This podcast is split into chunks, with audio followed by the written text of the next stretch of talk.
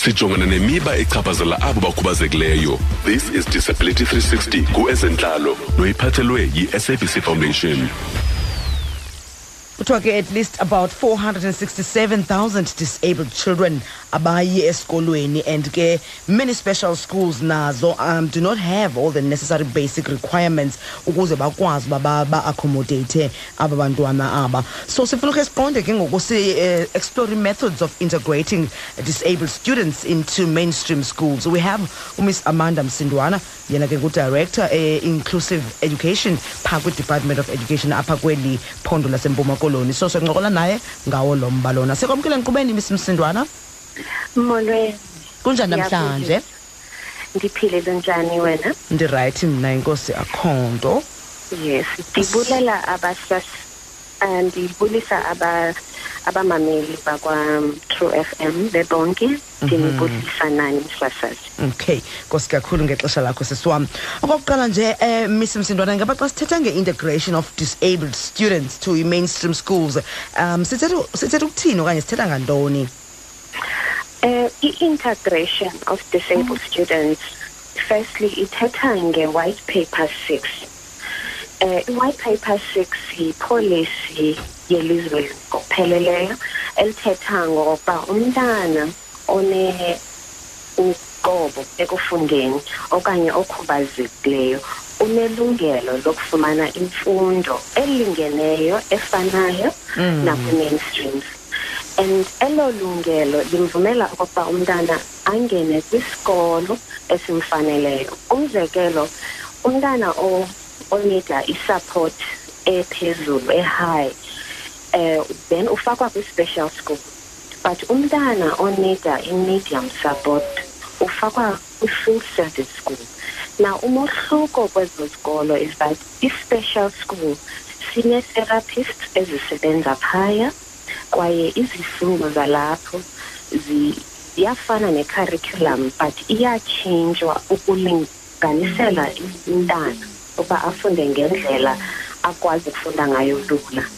And then i-full service schools zona yi-mainstream school le uyaziyo but ineetitshala ne-support team efundisayo nayo laa mntana onemiqobo ekufundeni. Okokuba naye akwazi ukufunda afumane ne-support ayinikayo now i-integration yona ke ngoku ithetha ngokokuba abantwana bonke abantwana abanemiqobo okanye abakhubazekileyo banelungelo lokufumana the same education efunyanwa nangoku umntana kwi-mainstream.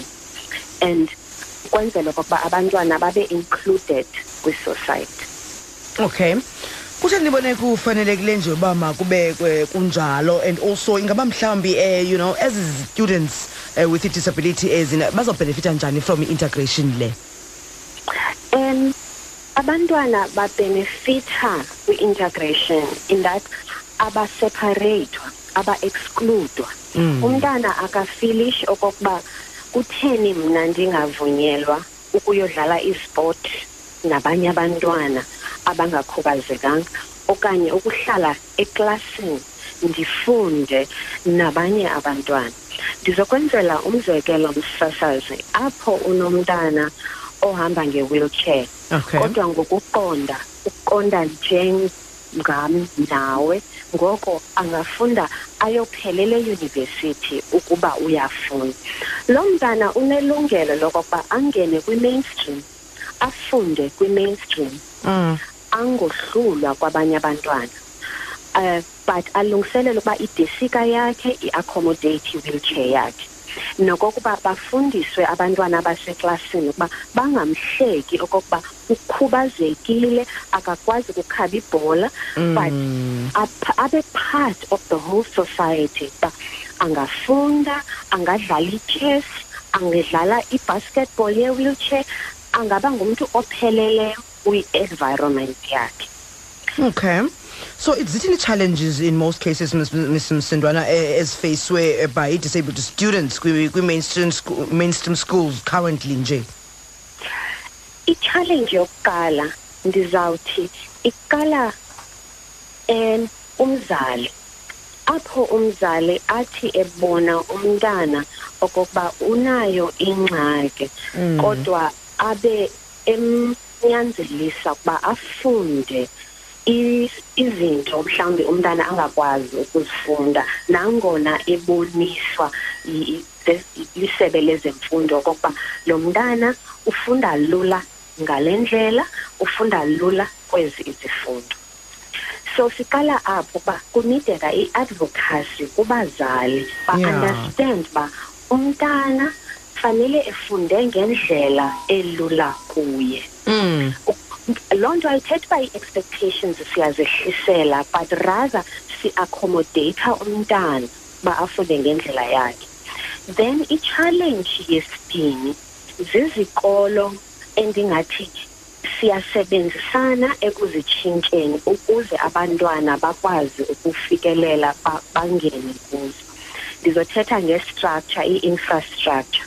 Yes. izikolo zethu mhlawumbi ezindala zazingakhelwanga ukuaccommodater bonke abantwana neemfuno zabo. Mm. but now as isebe lezemfundo we have been in an ongoing process. Siassessa izikolo zethu siyazi-audita siyajonga okokuba zintoni ekufuneke zitshintshiwe to accommodate laa mntana ophaya then i-challenge yesithathu ndingathi kuku-understanda kwe- kwe-educators which is to understand uba andizutitsha iklasi yabantwana abanayo abayi-thirty-six bonke abaqonda ngokufanayo. But kukhona mhlawumbi i-five ekuzofuneke ndenze into ekuthiwa yi-curriculum differentiation. Nditshintsha indlela endibatitsha ngayo. Nalapho umntana mhlawumbi xa kufuneka ebhale itest okanye imaths yena unikwa ixesha eli-additional ukuze akwazi ukugqiba itest yakhe. Okanye ongakwazi ukuyibhala itest yakhe unendlela yokuba ayenze nge-oral itest yakhe. So zonke ezo zinto zii-systems esinazo and as isebe lezemfundo sikwiphulo lokutreyina zonke iititshala from special schools full service schools mainstream schools ukuze bazi-understande ii-adaptations nee-accommodations ekufuneke zenzekile then i-challenge yokugqibela is after umntana wethu sefundile ke ngoku kwizikolo zethu uba i-industry ikwazi ukum-accommodater akwazi ukungena emsebenzini. Ndikuva kakuhle eh, ms msindwana. Masibambe ngazibini sibulele kakhulu kuwe mem ngexesha lakho. Thank you so much. Ube nemini emnandi nakuwe sisindebele thank you. Idisability 360 ubuyiphathelwe yitrue fm ibambisene ne-sabc foundation. For more disability content visit sabc disability 360 on facebook or follow at sabc disability on twitter